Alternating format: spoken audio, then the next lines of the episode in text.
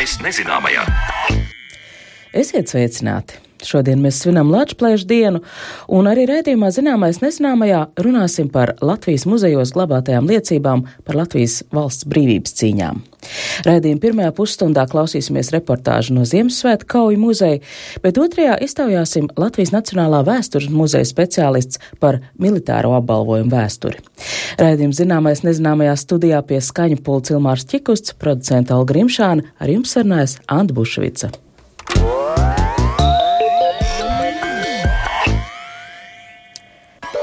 Un viena no tādām anekdotiskākajām versijām, kāpēc 11. novembrī mēs svinam Latvijas dienu, ir kāda skolas bērna atbild, ka šai dienā lūk Latvijas uzvarējis melno bruņinieku. Savā turpmākajā stāstījumā es varbūt nepalīdzēšu tam skolēnam, kurš savu nezināšanu prata aizslēpties tik aplams, lai gan diezgan atapīgs atbildes, bet tomēr es gribētu aicināt ielūkoties Andreja Pumpura epos Latvijas tapšanas vēsturē, kā arī uzzināt ko vairāk par tautas pasakas, kas tika izmantot epos tapšanā saistībā saistību ar citu tautu pasakām. Pagājušā gadsimta 80. gados atmodas laikā žurnālā Jaunā gaita bija lasāms kāds valīs ruņģis, ļoti interesants raksts, kurā viņi atgādina, ka pasaks par pūķiem un pūķu kāvējiem, pie kādām formāli varam pieskaitīt arī lāčplēsi, viņa cīņa ar melno bruņinieku, pieder pie visizplatītākajiem pasaku tipiem pasaulē. Latvijā vien pierakstīts kopumā pāri par 67 tūkstošiem tautas pasaku un 70 tūkstošiem teiku, un no tiem pūķu kāvēju pasaku Latvijas latviešu folkloras krātuvē ir sakrāts vismaz ap tūkstoti. Un arī tas, ka šajās pasakās varonim ir kāda ļoti īpaša izcelsme ar dzīvnieku pasauli saistīta, ir diezgan ierasta lieta, un lielākoties šai izcelsmē ir divi varianti, tāpēc arī latviešu pasaku kārtotāji nosacīt tās iedalījuši kā kurbata, jeb kā atcerieties ķēvis dēla pasaks un lāča dēla pasaks. Kāda tad ir lāčplēša izcelsme? Valija Runķa norāda, ka, piemēram, Pēters Šmita pasaka apkopojumā 20 lāču dēlu pasakās 14 variantos varonis ir lāču un cilvēka dēls. Divos variantos lācenis un vīrieši, pārējos lāču un sievietes. Vienā lācena atnes dēlēnu cilvēkiem audzināt, bet trijos variantos lācis iesaistīts eh, varoņu vārdā tā īpaši nenorādot, ka viņš ir dzimis no lāča. Eh, mīlestība cilvēku un lāču starpā sastopam daudz tautu folklorā, gan Eiropā, gan arī Āzijā, pie kam vīriešu dzimuma pārstāvs parasti ir lācis. Un arī latviešu tautas folklorā lāču īpašības tiek uzskatīts, ka tās ir tūs cilvēku īpašības, un, jā, vismaz pasakās lācis var būt cilvēku miesīgos sakaros. Un šajās tā sauktajās lāču dēla pasakās mītiskā izcelsme no lācenes nebūtu vēl nenozīmē, ka šis tēls jau uzreiz ir varonis, kā esam pieraduši to uzskatīt. Vienā no pasakām eh, varonis saukts par, nu, nosacīt varoni, šis tēls saukts par lāčaustiņu Jāni, kādā citā par stipro Ansi. Sešās pasakās minēts, ka varonim ir lāča ausis, bet tikai vienā no tām ir motīvs par varoni varoņu spēku lāčausīs. Un uh, spēks lāčausīs minēts arī kā tā talsos pierakstītā pasakā, tikai tenī varonis ir muļķīts, kuram apakšzemē pretiniekos ir lielais baltais lācis, un tie spēki savukārt lācim zūd tikai tad, kad tam nocērt ausis. Un turpinot par to, kur tad īsti slēpjas tavs, uh, tas spēks, vismaz latviešu tautas pasakās tas nav droši zināms, jo, piemēram, ir arī pie, tāds piemērs, kad uh, varonim, varonis ir tas, kuram jānocērt auss vēlnam, vēlna labu laba auss, lai vēlnu pārvarētu, jo tur lūk slēpjas viņa spēks. Lai gan tautā pierakstītajām kurbada un lāčdēla pasakām bieži vien ir diezgan pasakām netipiskas beigas, proti varoņi iet bojā, šo pasaku izmantotāji literārajos darbos savu fabulu nobeigumus veidojuši pēc pilnīgi citu tautu tradīcijas, ar solījumu, ka varonis atgriezīsies un glābs tautu no posta kādā nelaimes stundā. Šāds motīvs principā nav sastopams latviešu folkloram, bet ir sastopams, piemēram, anglu sakšu Artur Artūra teikā, kā arī vācu nostāto, nostāstos par Barbarosu. Un vēl kāds paradoks, lai gan latviešu folkloras krātuvē glabātajos materiālos kurbada pasakas ir izteiktā vairākumā, latviešu literatūrā kurbats kā literārs tēls ievieš tikai tad, kad pumpura lāčplēs ar visu to nācijas glābšanas ideju tautas apziņā jau ir tā nostiprinājies. Savu lāčplēšu Andrejs Pumpurs pabeidz 1888. gadā dzīvodams Tērbatā kā veltījumu latviešu trešajiem vispārīgajiem dziesmu svētkiem. Un šis stāsts par tautas brīvības cīņām lielā mērā saistīts ar motivāciju, ka latviešiem kā dzimstošam nācijai vajadzētu būt arī savam eposam, kas leģitimē tā pastāvēšanu. Un patiesību sakot, ar šādu līdzīgu eposu radīšanu 19. gadsimta beigās nodarbojas vairāk autori. Vienkārši Andrei Pumpura variants izrādījās dzīvot spējīgākais. Lai gan epos Lāčplēs ievadā Andrejs Pumpurs raksta, ka šī Lāčplēša teika ir pilnīgi latviešu un iztautas muts noklausīt, tomēr pasaka pētnieku Pumpuru piedāvāto versiju uzskata par tā saukto neīsto pasaku. Proti tādu, kuru tikai iedvesmojuši folkloras motīvu, nevis tā būtu no tautas mutvārdu daļradas ņemta. Andrejs Pumpurs savu epos nosaukumu it kā esot noskatījis no kāda māju vārda lielvārdē, un tālākos notikumus tad nu brīvi sacerējis. Šodien svinam Lačplēša dienu, kad neatkarīgās Latvijas valsts armijas uh, karaspēks uzvarēja Bermonta karaspēku 1919. gada 11. novembrī, bet kā bija ar tām lāča ausīm, to mēs visticamākais neuzzināsim.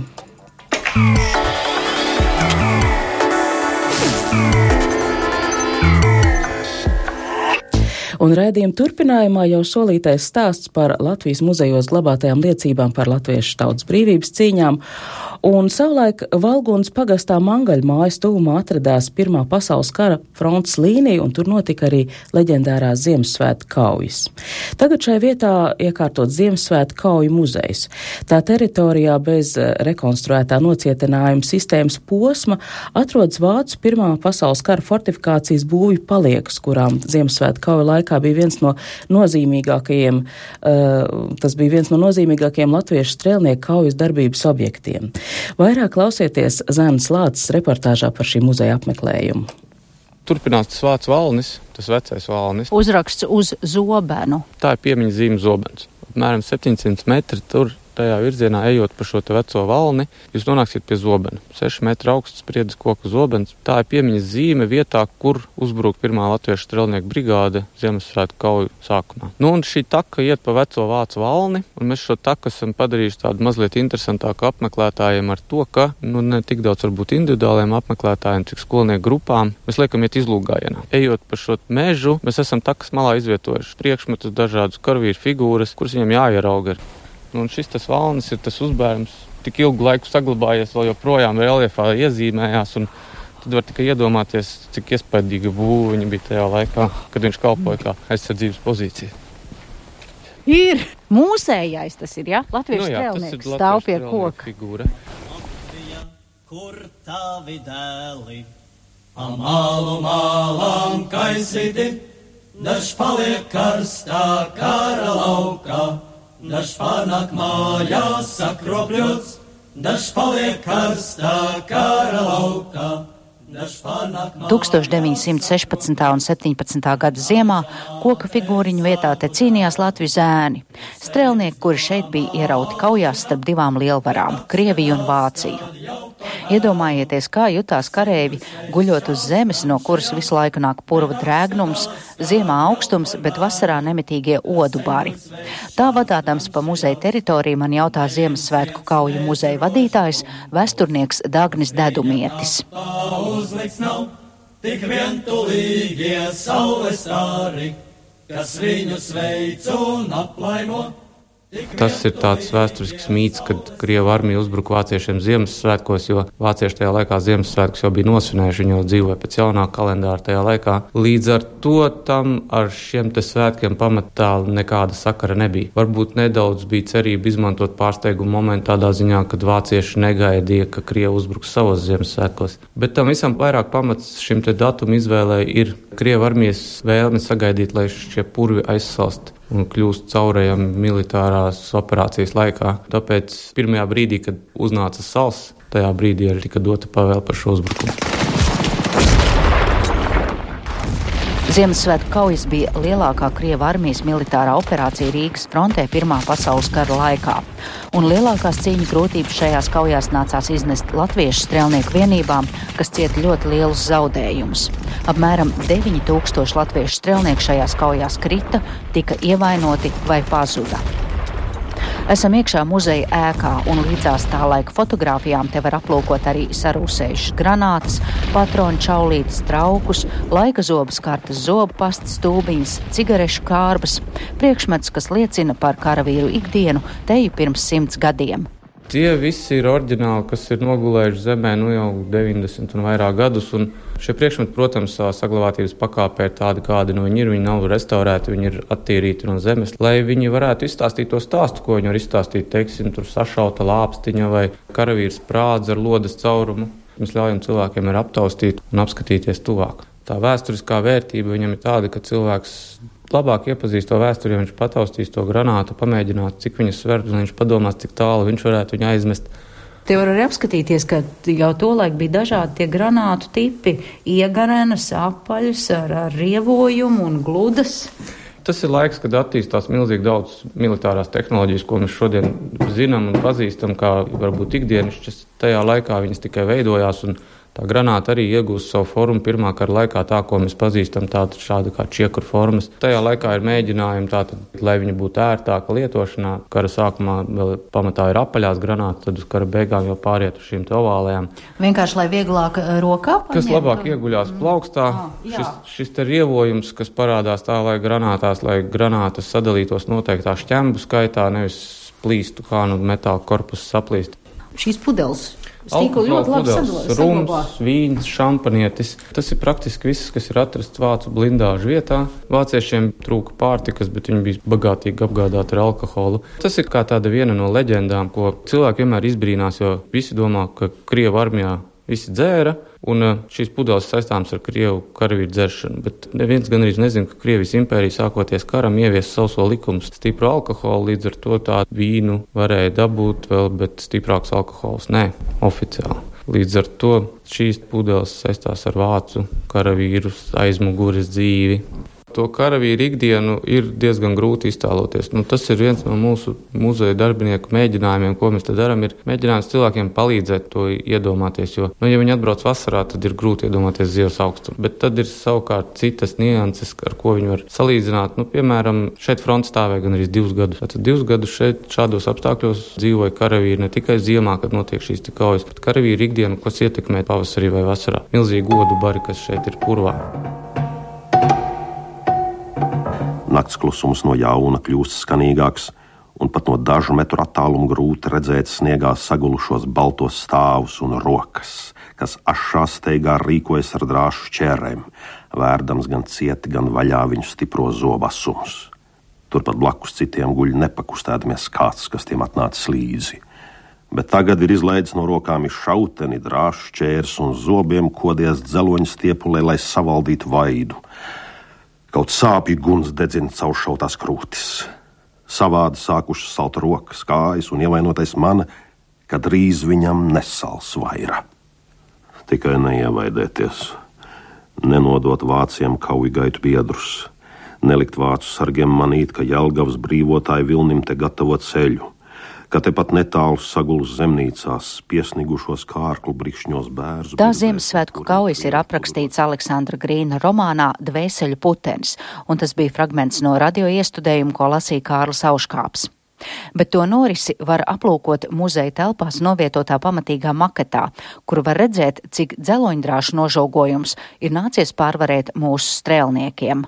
Šis makets ir mūsu mēģinājums parādīt cilvēkiem, kā izskatījās šis kaujas lauks no putna lidojuma, ja tas notiktu tajā laikā. Respektīvi, modelī 1 pret 72 ir samazināta teritorija ap mangaļiem. Šeit ir redzamas mangaļu māju drupas, vāca pozīcijas, attiecīgi Krievijas armijas izējas pozīcijas, tā skaitā arī latviešu strēlnieku izējas pozīcijas. Nu, tad var redzēt, šeit mēs stāstam un rādam, kas ir jāpārvar šim te latviešu strēlniekam tajā brīdī, kad viņi uzbruk vācu pozīcijā. Vispirms ir šī starpfrontes zona, kas ir zona, kura nevienam nepieder. Tā ir zona, kur tā tad no abām pusēm šauj un zelendrāšu aizžogojumi vācu nocietinājumu priekšā. Nu, tādi paši bija ar Krievijas armijas nocietinājumu priekšā, bet šī gadījumā uzbrukums bija vācu pozīcijām, tāpēc arī šie zelendrāšu aizžogojumi Vācu pozīcija priekšā. Viens, divi.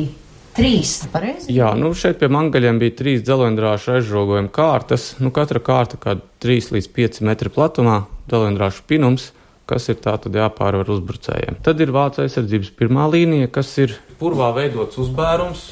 Tas ir šis, jā, tas jā, valnis. Tas ir, tas ir valnis, kas arī tā arī saucās vācu valnis, tā viņi iesauc latviešu strelnieki. Un tas ir nepārtraukts uzbērums visam purvam pāri vairāk kā 30 km garumā. Šāda te pirmā aizsardzības līnija.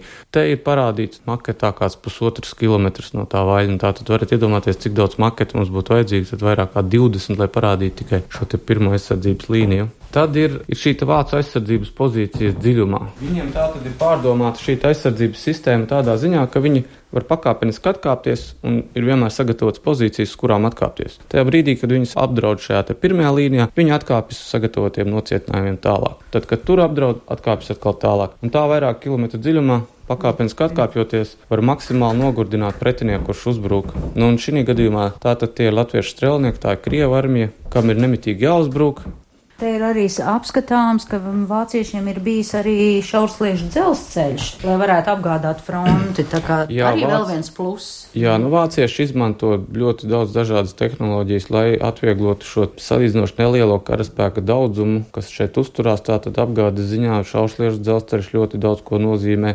Pie tam šis te šaursliežu dzelzceļš, viņš ir diezgan primitīvi būvēts, viņu ātri var noņemt, ātri uzlikt citā vietā. Un Tas savukārt atvieglo to, ka vajadzīgā vietā var ātri pievest kara resursus, tātad, kas ir nepieciešami tur un tādā veidā atvieglojot to. Nu, un šīs visas pozīcijas, viņas ir dabā līdz šim ir saglabājušās tādas, kā, kas pēc 90 gadiem var saglabāties. Koks ir sapuvis, viss ir sabrucis, bet viņas iezīmējas. Mežos viņas var sazīmēt gan šīs blindāžu vietas, gan tranšēju vietas. Un, attiecīgi, šajā maketā viss, kas ir redzams, viņš arī dabā ir pirms tam uz kartes atzīmēts, salikts Ejam ārā skatīt vācu vaļņa atliekas un tā rekonstruēto daļu. Pa ceļam uz valni piestājam vācu armijas blindāžā, nelielā ar pamatīgi nopolsterētu jumtu, ko veido baļķu un grunskārtas nocietinātā būvē, kur iekšā ir iebūvēta krāsniņa un koka lāvas. Šīs te ir tas vācu valnis. Te viņš ir atjaunots, un viņš ir zemes uzbērums, kas ir nostiprināts ar kokiem. Šeit viņš ir atjaunots tieši tajā vietā, kur viņš atradās. Tādas izskatās tās pozīcijas, ja tagad staigā pa mežiem apkārt, tad tur, kur ir kaut kas bijis, var to visu dabā sazīmēt, teiksim, tā kā šeit šo valni, un tas valnis arī šeit ir saglabājies. Līdz pat Ložimtai kalnam 7 km jūs pa viņu varat aiziet ar kājām. Šeit ir atjaunota viena vācu blindāža, Es neko daudz nezinu par blindāžām, bet man šķiet, šī ņemot vērā tā laika apstākļus, un nu pat arī apskatoties tās fotogrāfijas, tāda ļoti labi iekārtota. Tā atšķirība ir salīdzinot ar Krievu karavīru apstākļiem. Protams, ir vāciešiem šie apstākļi bijuši labāki. Viņi centušies gan sev šos apstākļus radīt, gan viņiem bija arī iespēja tāda, respektīvi no kurzemes un zemgals visām bēgļu pamestajām mājām viņi varēja paņemt, ko viņi gribēja. Nu, un, attiecīgi, vācu blindāžu Mēs mēģinām parādīt pirmkārt to, kas tam krievu karavīram, tam latviešu strelniekam bija vajadzīgs, lai šo nocietinājumu ieņemtu. Šeit noslēpjoties, daži vācu karavīri varēja uzreiz aizkavēt veselu strelnieku grupu, jo ar tā laika ekipējumu un ieročiem ir ļoti mazas iespējas kaut ko padarīt šim nocietinājumam. Katrā ziņā tādas bija daudz, simtiem, un katra no viņām nospēlēja aizkavējošu lomu priekš attiecīgi priekš uzbrucēju daļām. Tātad tam jumtam bija jāsaka. Viens, divi, trīs, četri, nu piecas kārtas tā kā kūkai. Četras baļķu kārtas, betonu plākšņu kārta, zemes kārta. Tas ir, lai paglābtu šos karavīrus iekšā no tās iespējas, ka trāpa artilērijas lādiņš. Cik, nu, tas karavīri tajā laikā paši bija uzņēmīgi, tik pamatīgi viņi arī būvēja šīs aizsardzības būves, pie mangaļiem, zinu, lielākais skaits ir 18 kārtas ar baļķiem bijis uz jumta. Tātad, lai tas karavīrs iekšā viņam būtu cerības palikt dzīvi, un tajā brīdī ir trāpa šis artilērijas lādiņš. Tagad mēs tuvojamies valnim, kur ir izvietots arī šaujamlūkas, un no dēļiem Tāda arī tolaik bija tādi podesti vai pakāpieni, kur vienkārši karavīrs Jā, nu tas, uzkāpa. Tas ir tīri vienkārši pakāpiens, kur karavīrs var tikt klāt pie šaujamlūkas, lai tajā brīdī, kad ir apdraudējums, viņš tā tad varētu šaut. Latviešu strēlnieki cīnījās savā zemē, lai atbrīvotu to no vāciešiem. Ne tikai zaudējumu kaujās, bet arī skarbie laika apstākļi ir tie, kas rāda mūsu karotāju veikumu un izturību tajā laikā. Tā ekskursija noslēdzot, saka muzeja vadītājs Dagnis Dedumietis.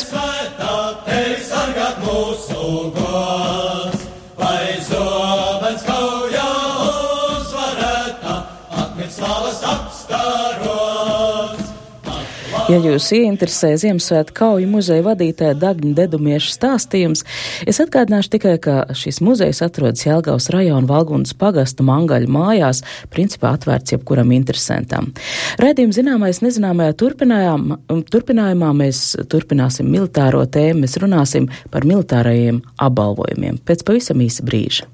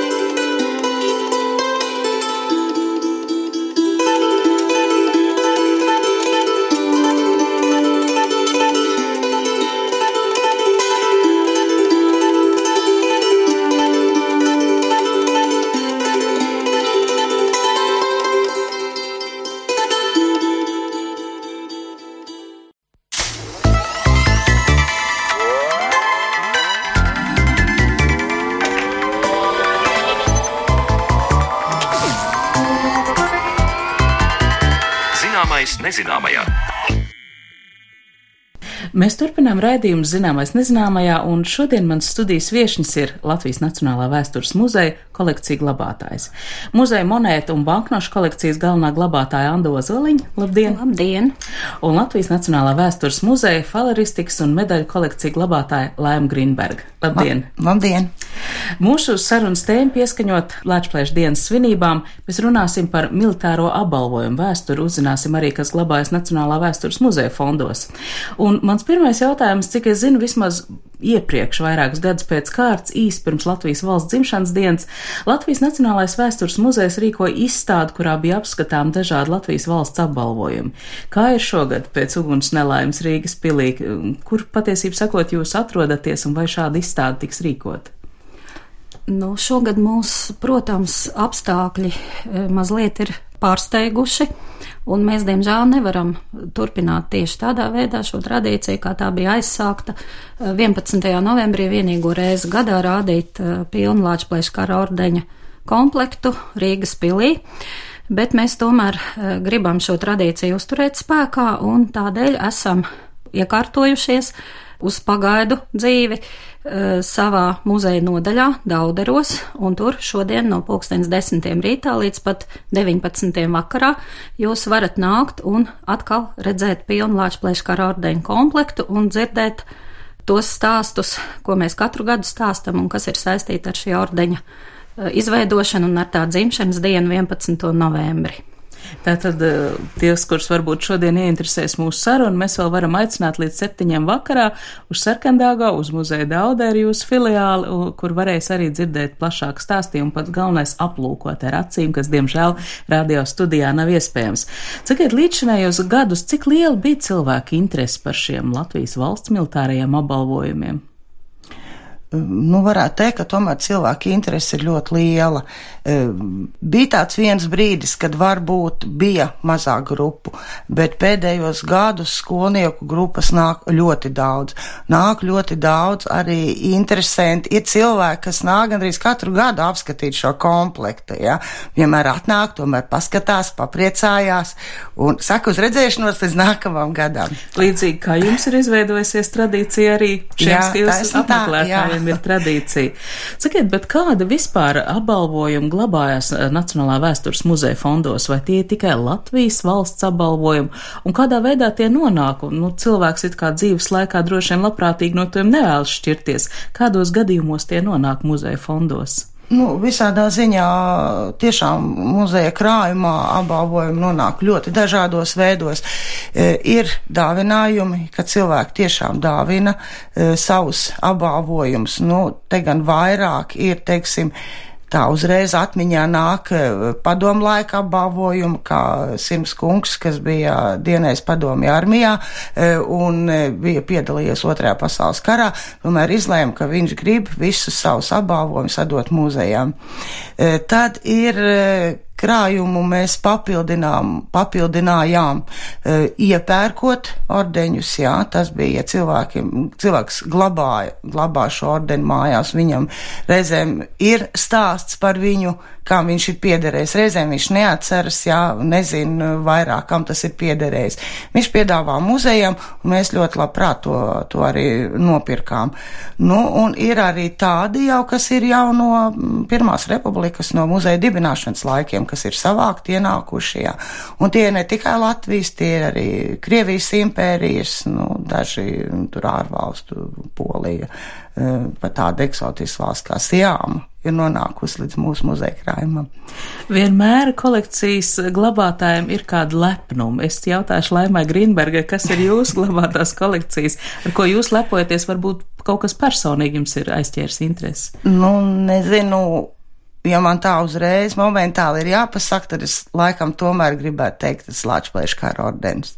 Tas saistīts ar mūsu valsti, ar mūsu valsts dibināšanu, ar vanorīgajām brīvības cīņām.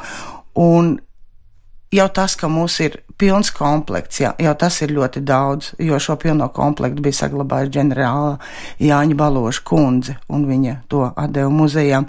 E, tikpat lepni varam, mēs varam lepoties ar par trešo šķiru. Lāčpēša karodeņa trešo šķiru, jo tiešām to piešķir par varonību, par konkrētu varonību, ko cilvēks veica, un līdz ar to tam jau ir liela vērtība, jo aiz katra šī ordeņa slēpjas cilvēks, cilvēks ar savu dzīves stāstu, ar savu dzīvi. Tad, kad jūs vēlaties savus apmeklētājus ieinteresēt, jūs droši vien par šiem ordeņiem, medaļām, jūs veidojat stāstus. Kas ir tas, ar ko jūs sākat? Ar šī apbalvojuma vēsturi, ar izskatu, ar nosaukumu, ar to, kam šis uh, apbalvojums tiek, ir piešķirts un par ko?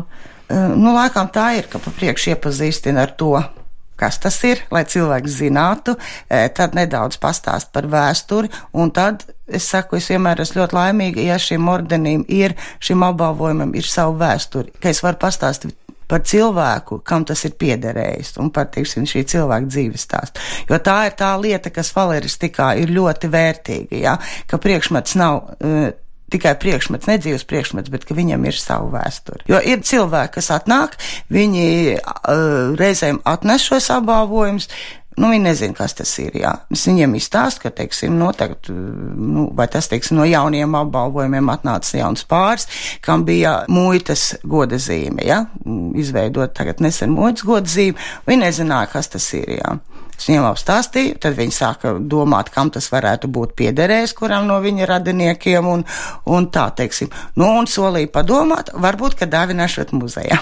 Tas nozīmē, ka cilvēku mantojumā saņem, es nezinu, kādu skārdu bunģiņu ar apbalvojumiem, kur izcelsmi viņi pat lāga nezina. Tieši tā. Un viņiem ir, ir ļoti jā. interesanti sarunā jā. ar jums mēģināt noskaidrot, par kādiem nopelniem šī godzīme piešķirta un kam tas attiecīgi varētu būt piederējis. Jā, tieši tā tas ir, ka mājās ir šīs te kastītes, kur ir ne tikai apbalvojumi, kur ir arī monētas, un mēs ļoti daudz saskaramies ar tādām lietām, kad atnāk cilvēki ar šo kastīti par laukā un saka, nu palīdziet, paskatieties, kas tur ir vērtīgs, kas tur nav vērtīgs.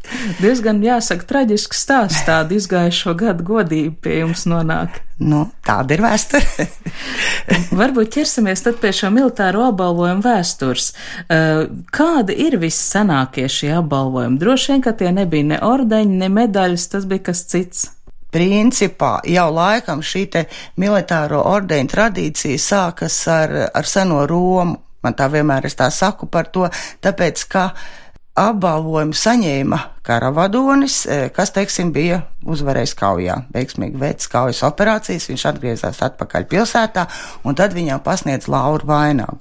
Vēlāk tas kļuva par e, zelta, no zelta lapām tika veidots, un tas ir pirmsākums arī valdnieku kronim, tā var uzskatīt. Ja. Un e, par biedru, teiksim, glābšanu tad pasniedza ozolapu vainagu. Bet ja, teiksim, mēs runājam par šiem lauru vainagiem kā apbalvojumu, tad vēl daudz, daudz agrāk tajā pašā senajā Romā pastāvēja, e, teiksim, karavīriem kā pateicība varēja pasniegt daudz materiāls, teiksim, šīs te balvas, ja.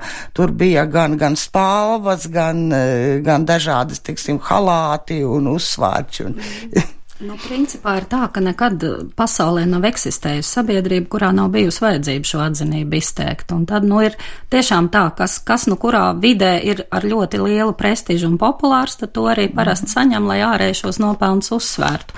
Jo sākotnēji ļoti daudz, kur pateicība arī par militāriem nopelniem izsaka, nu, tīri materiālā veidā šo cilvēku kaut kādā veidā privileģējot un atbalstot. Nu, un tad pamazām uh, nonāk līdz tam, ka ir ļoti svarīgi ārēji spēja uzsvērt šo atšķirību un viņu nopelnus parādīt, un tad tiešām tiek lietots viss, kas tajā sabiedrībā ir aktuāls, populārs un, un prestižs eh, šīs atšķirības uzsvēršanai, eh, līdz tam laikam, kad tas noformējās jau eh, zināmā veidā, iegūstot sākotnēji tradicionālu spēku, vēlāk jau likumdošanas spēku, un tā apbalvojuma sistēma attīstība ir ārkārtīgi cieši saistīta ar sabiedrības attīstību vispār, ar valsts veidošanos un attīstību, ar valsts formām, ar, ar, ar armijas attīstību, ar uh, militāro uh, tehnikas, militārās tehnikas attīstību, ar kaujas veidu nomaiņu.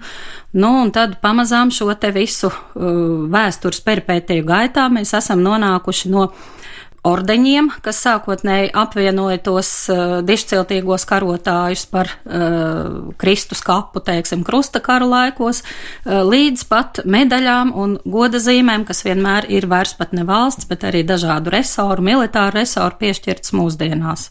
Vai vārds ordens arī ir saistīts ar šiem eh, nu, mūku ordeņiem? Jā, sākotnēji šis ordeņa nosaukums tiešām ir saistīts ar garīgiem ordeņiem, vēlāk arī garīgi militāriem ordeņiem, un eh, nu, no latīņu valodas apzīmē arī rindu, kārtu, kārtību, regulu, tātad noteikums, pēc kā dzīvo šie karotāji, un eh, nu, šajā laikā ordeņa jēdziens ietver kā varētu teikt, biedru grupu. Tātad ordenī ir biedri, eh, kuri ir pieņēmuši šos statūtus un ārēji lieto eh, ordeņa simboliku kā atšķirības zīmi. Un, nu, gods, teiksim, piedariet pie šī militārā ordeņa dišciltīgai personai ir, teiksim, nu, viņi ir šo cīnītāju rindās.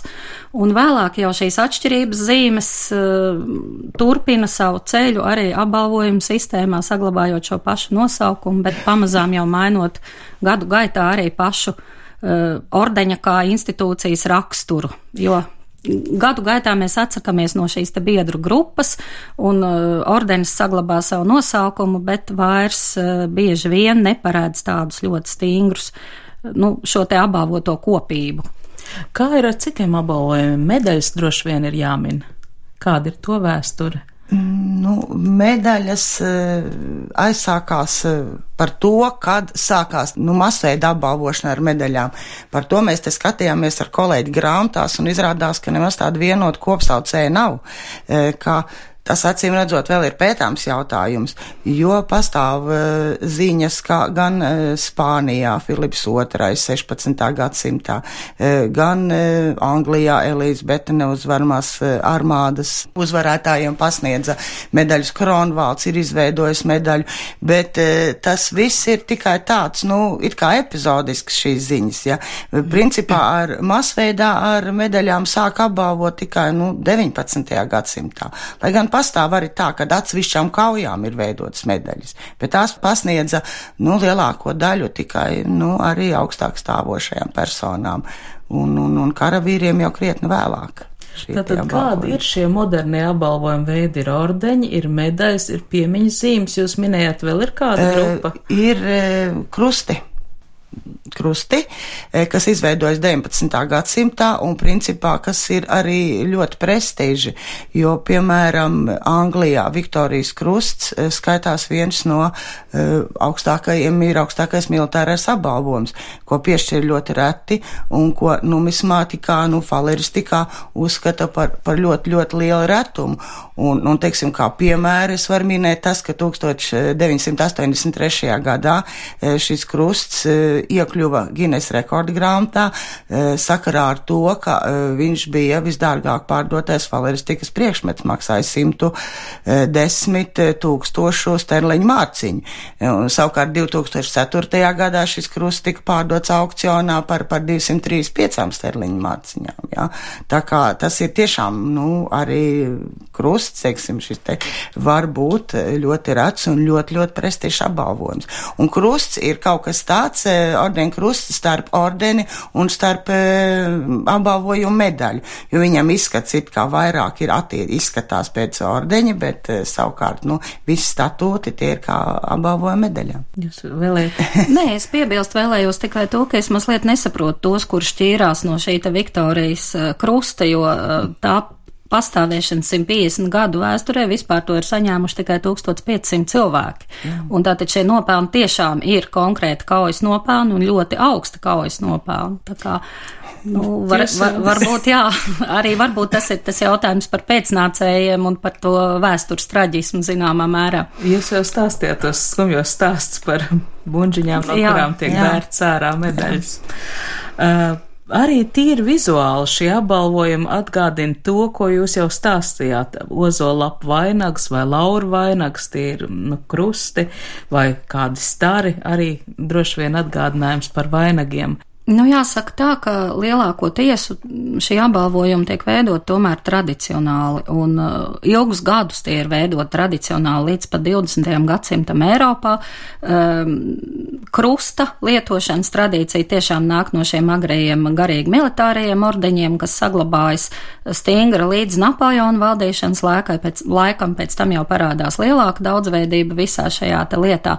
Nu, un zvaigzne ir kā papildus ordeņa augstāk augstāko šķiru elements eh, aizsākusies kā uzšūms uz ordeņa mantijas, tātad uz ordeņa biedru svētku tērpa, un pamazām no šī te uzšūtā uh, veida atsakoties un kļūstot par juvelieru izstrādājumu un papildinot ordeņa augstākās šķiras. Bet uh, citās valstīs, kur, teiksim, ordeņi ieviešas uh, pēc tam, kad, uh, nu, es šeit runāju konkrēti par Āzijas valstīm, pēc tam, kad notiek saskara ar eiropiešiem un arī kaujas laukā notiek saskara ar eiropiešiem un parādās tās idejas, kuras gribās pārņemt, nu tad reizumis pārņem Eiropas parauga apbalvojums, bet bieži vien paliek pie tādiem saviem veidiem. Nu, un ir eh, tajās sabiedrībās, kurās ir ļoti stingri izstrādāta hierarhija, kā piemēram tas ir bijis Ķīnā, eh, arī līdz pat 20. gadsimta sākumam vēl tradicionāli tika Eh, lietoti, uzturēti spēkā un ļoti iekāroti tie atzinības izteikšanas veidi, kādi tie ir bijuši, nu, pirms tam, kad notika šī saskara un eiropeizācija zināmā mērā. Nu, tā tad tur militāra personas varēja kā atzinību saņemt halātus ar uzšūtiem zvēru reizēm fantastisku zvēru attēliem. Uh, nu, šo arī viņu militāro hierarhiju izteica dažādu materiālu lodītes pie viņu galvas sagām. Nu, un ziņas ir tādas, ka tiešām vēl vēl 1902. gadā ir tā pilnīgi nopietni cilvēki to atzinuši, sapratuši un lietojuši savā sabiedrībā un arī ļoti kārojuši to iegūt. Nu, un arī dažādi citās vietās tradicionāli, nu, ne krusta apbalvojuma veidi, jo, piemēram, musulmaņu valstis nevēlas iekļaut krustus savos apbalvojumos, nu, tad bieži vien ir tā, ka ja musulmaņu valsts izsaka pateicību kristīgas valsts pilsonim, tad ir šis krustātēls, un ja savam pilsonim, tad atkal tur novietots pašu reliģijā tos un saprotams emblēmas šajā apbalvojumā. Kad nodibinājās Latvijas valsts, tā tad radās vajadzība pēc pirmajiem apbalvojumiem, tas jau bija jūs minētais Lāčplēša ordens, ko piešķīra par dalību cīņās pret Bermontu. Kādam, kādiem paraugiem eh, sekoja šī ordeņa izveidotāji? Pirmkārt, jau laikam ir jāsāk ar to, ka bija liela diskusija sabiedrībā par to, vai vispār ir vajadzīgs ordenis, jo mums bija tāda jauna republika, ļoti demokrātiska savos uzskatos, un pie kuras izveidošanas vieni no uh, galvenajiem bija sociāldemokrāta partija, vecākā politiskā partija Latvijā, un, nu, galīgi viņu uzskatos neatbilda uh, tas, ka kāda sabiedrības locekļa nopelns vajadzētu izcelt pār citiem.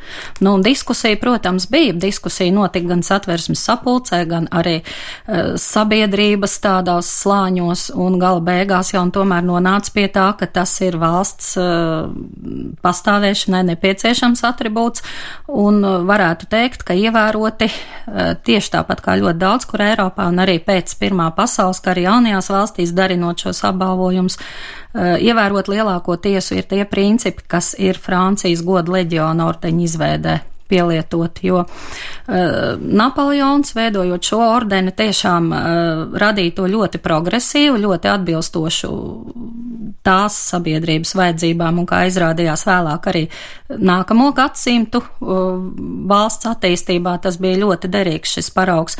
Un, Tieši tāds piecu pakāpju iedalījums un ļoti daudzi statūtu uh, punkti ir aizgūti no šīs klasiskās ordeņa darināšanas schēmas, bet eh, tā kā Lāčplēša kara ordenis ir militārs apbalvojums un militārs apbalvojums par konkrētiem kaujas nopelniem, tad veseli 60 statūtu punkti mums definē šos konkrētos kaujas nopelnus līdz sīkumiem. Tātad, cik uh, liels uh, varoņdarbs ir jāizdara, lai šo ordeni cilvēks varētu saņemt noteiktā situācijā. Starp citu, ļoti interesanti par šo apbalvojumu, Latvijas valsts apbalvojumu vēsturi var lasīt arī valsts kancelēs mājaslapā. Tur ir apskatām gan paši apbalvojumi, gan arī to tapšanas gaita. Apbalvojumu mums nav pārāk daudz. Es saprotu, tā tad ir šis Lāčplēša ordens, otrs militārais apbalvojums ir viestura ordens. Ko varat par to pastāstīt? Nu, laikam gan jāpasaka vēl tas, kad ar Lāčplēšu kara ordeni apbalvoja līdz 28. gadam, un tad uzskatīja, ka visi tie, kas ir piedalījušies brīvības cīņās, ir, nu, un pierā, parādījuši attiecīgu varonību, ir to saņēmuši, un uh, no 28. gada uh, Lāčplēš, ar Lāčplēšu kara ordeni vairs neapbalvo, un arī jaunajā apbalvojuma likumā Lāčplēšu kara ordenis nav iekļauts. Tātad mums ir trīs apbalvojumi triju zvaigžņu ordenis, viestura ordenis, atzinības krusts un vēl bija 1991. gada barikāšu piemiņas medaļa, ar kuru tagad vairs neapbalvo. Eh, runājot par eh, viesturu ordeni, tad jāsaka, ka to uzskata, var uzskatīt par militāru apbalvojumu, bet šim ordenim it kā ir tādas divas funkcijas. Ar viņu apbalvo gan militāra personas, gan arī civila personas. Ja ordeni pasniedz par nu, teiksim, militāru personām, tad ordeņa zīmi papildina ar sakrustotiem šķēpiem. Savukārt, ja ir civilpersonām, tad tur parādās krusts stari. Kāda vēl mums ir militāri apbalvojumi? Būtībā tikai šie divi. Valstiski apbalvojumi, jā. Man ir jautājums, kas ir barikāžu piemiņas medaļa? Vai tas ir apbalvojums, vai tas ir militārs apbalvojums?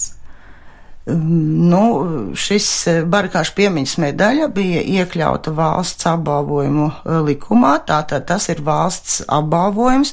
Eh, arī viestura ordenī ir paredzēts, ka viestura ordeni var piešķirt par, nu, par nopelniem valsts neatkarības aizsargāšanā. Jā.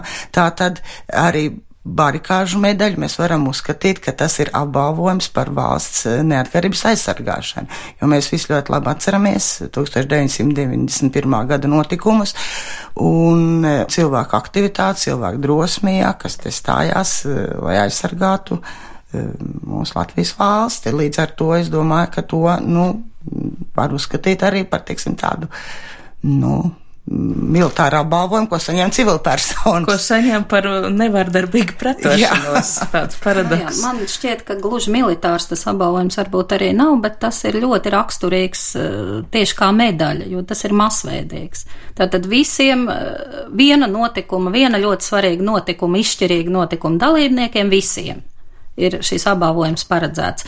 Nu, manuprāt, militāram varbūt arī tur tās akcijas tik, tik ļoti izteiktas nebija, bet es domāju, ka apbalvojuma sistēmā šī medaļa tika iekļaut valsts apbalvojuma sistēmā tieši tādēļ, lai uzsvērtu šo izšķirīgo soli, šo ļoti valstī svarīgo brīdi, kurā bija ļoti daudz dalībnieku tomēr, un lai to prestīžu uzturētu un paldies pateiktu, tad tas varbūt arī ir tas īstais iemesls, kāpēc šī medaļa atrodas valsts apbalvojuma sistēmā.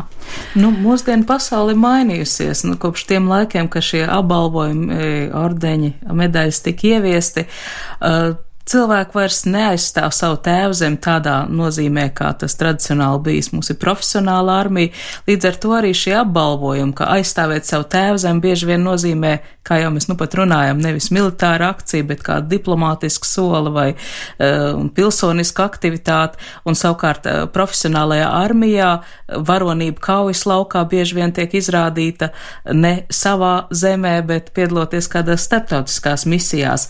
Es saprotu, ka tas krietni sa arī sarežģīja dzīvi šīs faleristikas speciālistiem, piemēram, jums. Kā ir ar mūsdienu apbalvojumiem? Nu, tātad bez valsts apbalvojumiem militāra personas var saņemt gan aizsardzības ministra apbalvojums, goda zīmes un medaļas, gan Nacionālo bruņoto spēku komandieru apbalvojumi, tad pastāv arī jūras gaisa spēku komandieru apbalvojumi, jūras un gaisa spēku komandieru apbalvojumi. Tad ir militārās policijas, štāba bataljona, tā kā šie apbalvojumi, nu, ir. To mēs, teiksim, varam redzēt arī, kad mēs skatāmies, teiksim, karavīrus, cits augstāko virsniecību, kad viņiem ir daudz šo te lentes atgriezumu pie krūtas piesprāstī. Ja? Tas viss nu, norāda, cik viņi ir, teiksim, šos te apbalvojumus saņēmuši. Un tā kā mūsu valstī, paldies Dievam, nenotiek aktīva kara darbība un kādu laiku, paldies Dievam, nav notikusi, tad arī šie nopelni ir mazliet savādāk veidi. Vismaz rokoties internetā, es atradu, ka, piemēram, par uh, sekmē, Latvijas dalību NATO sekmēšanu, par uh, vienkāršu centību militārajā die dienestā, protams, par piedalīšanos starptautiskās operācijās, par sprākstošu priekšmetu iznīcināšanu. Jā. Vai šie arī visi ir pielīdzināmi militāriem apbalvojumiem? Vai šī tomēr ir cita grupa? Nu, ja viņu, ja, ja viņu piešķir aizsardzības ministrs, Nu, man šķiet, tā, ka tie ir militāri apbalvojumi. Tikai tagad, būt, kā jā. mēs jau runājām, ir profesionāla armija, un tas ir resors, un tie ir resora apbalvojumi. Mums tieši tāpat tās ir arī civila apbalvojumi, kas ir resori, jo katrs, nu, teiksim, uh, pārtiks un veterinārais dienests eh, izveido savu atzinības izteikšanas sistēmu. Tieši tāpat ļoti daudz valsts eh, citas iestādes. Tātad specifiski vienā nozarē strādājošiem arī šī nozara eh, izstrādā apbalvojumu sistēmu. Bet tieši es arī gribētu uzsvērt tieši to pašu, ka paldies Dievam mums nav šī militārā konflikta draudi tik tieši var būt, kad mums vajadzētu domāt par to, ka valstī vajadzētu valstisku militāru apbalvojumu. Varbūt pagaidām pietiek ar to, ka šie puiši ļoti profesionāli un labā līmenī dara savu darbu, esot šajās te misijās un šajās mums ļoti vajadzīgajās struktūrās arī šeit uz vietas. Un kas to zina, var jau būt, ka aiz kādas no šīm medaļām slēpjas arī kāda konkrēta kaujas nopelna. Vai tas sarežģīja tas, ka mūsdienu pasaulē šī situācija mainījusies faleristikas speciālistiem dzīvi? nu, ir grūtāk atrast šo iedalījumu, saprast. Nu, principā tā ir, jā, kā, nu, ja agrāk bija pilnīgi skaidrs, tur viņš militārs apbalvojums, tad tagad jau reizēm ir jāpadomā, jā, kā viņš ir. Jūs nesen iekārtojat arī šo izstādi, kurā bija tieši nesenie apbalvojumi izstādīti vākt šos te mūsdienu apbalvojumus mēs sākām jau diezgan sen, jo tas notiek tā, ka šiem te resoriem ministrijām tiek rakstīti lūgumi, lai saglabātu nākošām paudzēm, lai mums glabātos, lai būtu. Mēs rakstam lūgumu vēstuli ar to, lai viņi mums e, piešķir, nodot glabāšanā. Un e, tā rezultātā tad arī tapa šī izstādījā. Nu, kā vienmēr, ir vairāk atsaucīgi, mazāk atsaucīgi. Un Laikam vislielākais pārsteigums bija taisni zemesardzes apbalvojumi, jo bija visi e, zemesardžu pulku šo te formējumu, e, krūšu zīmes, bija arī visas viņu godas zīmes. Tur izrādījās, ka viņi ir ļoti daudz, un tā tā vienkopus viņas visas vienā vitrīnā saliekot, izrādījās, ka visi tā ļoti priecājās. Un tad ir ļoti arī tādi, tiksim, tādi, nu, nedaudz varbūt specifiski un cilvēkiem nepierasti ir šī šīs te e, sevišķi uzdevuma vienības apbalvojumi. Viņiem tāds, tāds ir tur gan, gan, gan lūsis, gan sikspārnis, gan tādas lietas, kas cilvēkiem arī ļoti patika un viss brīdījās, ka pat tie, kā tie arī tāda apbalvojuma, tādas nozīmes arī ir, jā, kas varbūt arī pat mazāk redzētas. Tad varam, ir, jā. varam šodien aicināt uz muzeja filiālu Dauderi, kas atrodas Sarkandāgo, kur joprojām šodien līdz septiņiem vakarā ir iespējams uzdot savus jautājumus un arī klātienē aplūkot Lāčplēšu ordeņu, kā jūs uzsvērāt, pilnu komplektu. Jā. Es teikšu paldies par šodienas sarunu un atgādināšu, ka studijas viešņas bija Latvijas Nacionālā vēstures muzeja kolekcija glabātājs, muzeja monētu un banknošu kolekcijas galvenā glabātāja Anda Ozoliņa. Paldies jums par sarunu. Un Latvijas Nacionālā vēstures muzeja faleristikas un medaļu kolekcijas glabātāja Laima Grīnberga. Paldies par piedalīšanos raidījumā. No jums atvadās šī raidījuma veidotāja, producenta Olga Grimšāna, muzikas redaktors Girds Bišs un raidījumu vadījies Anda Bušvica. Rītdienas raidījumā zināmais nezināmajā mēs runāsim par putnu un sikspārņu migrāciju. Uz tikšanos atkal rīt!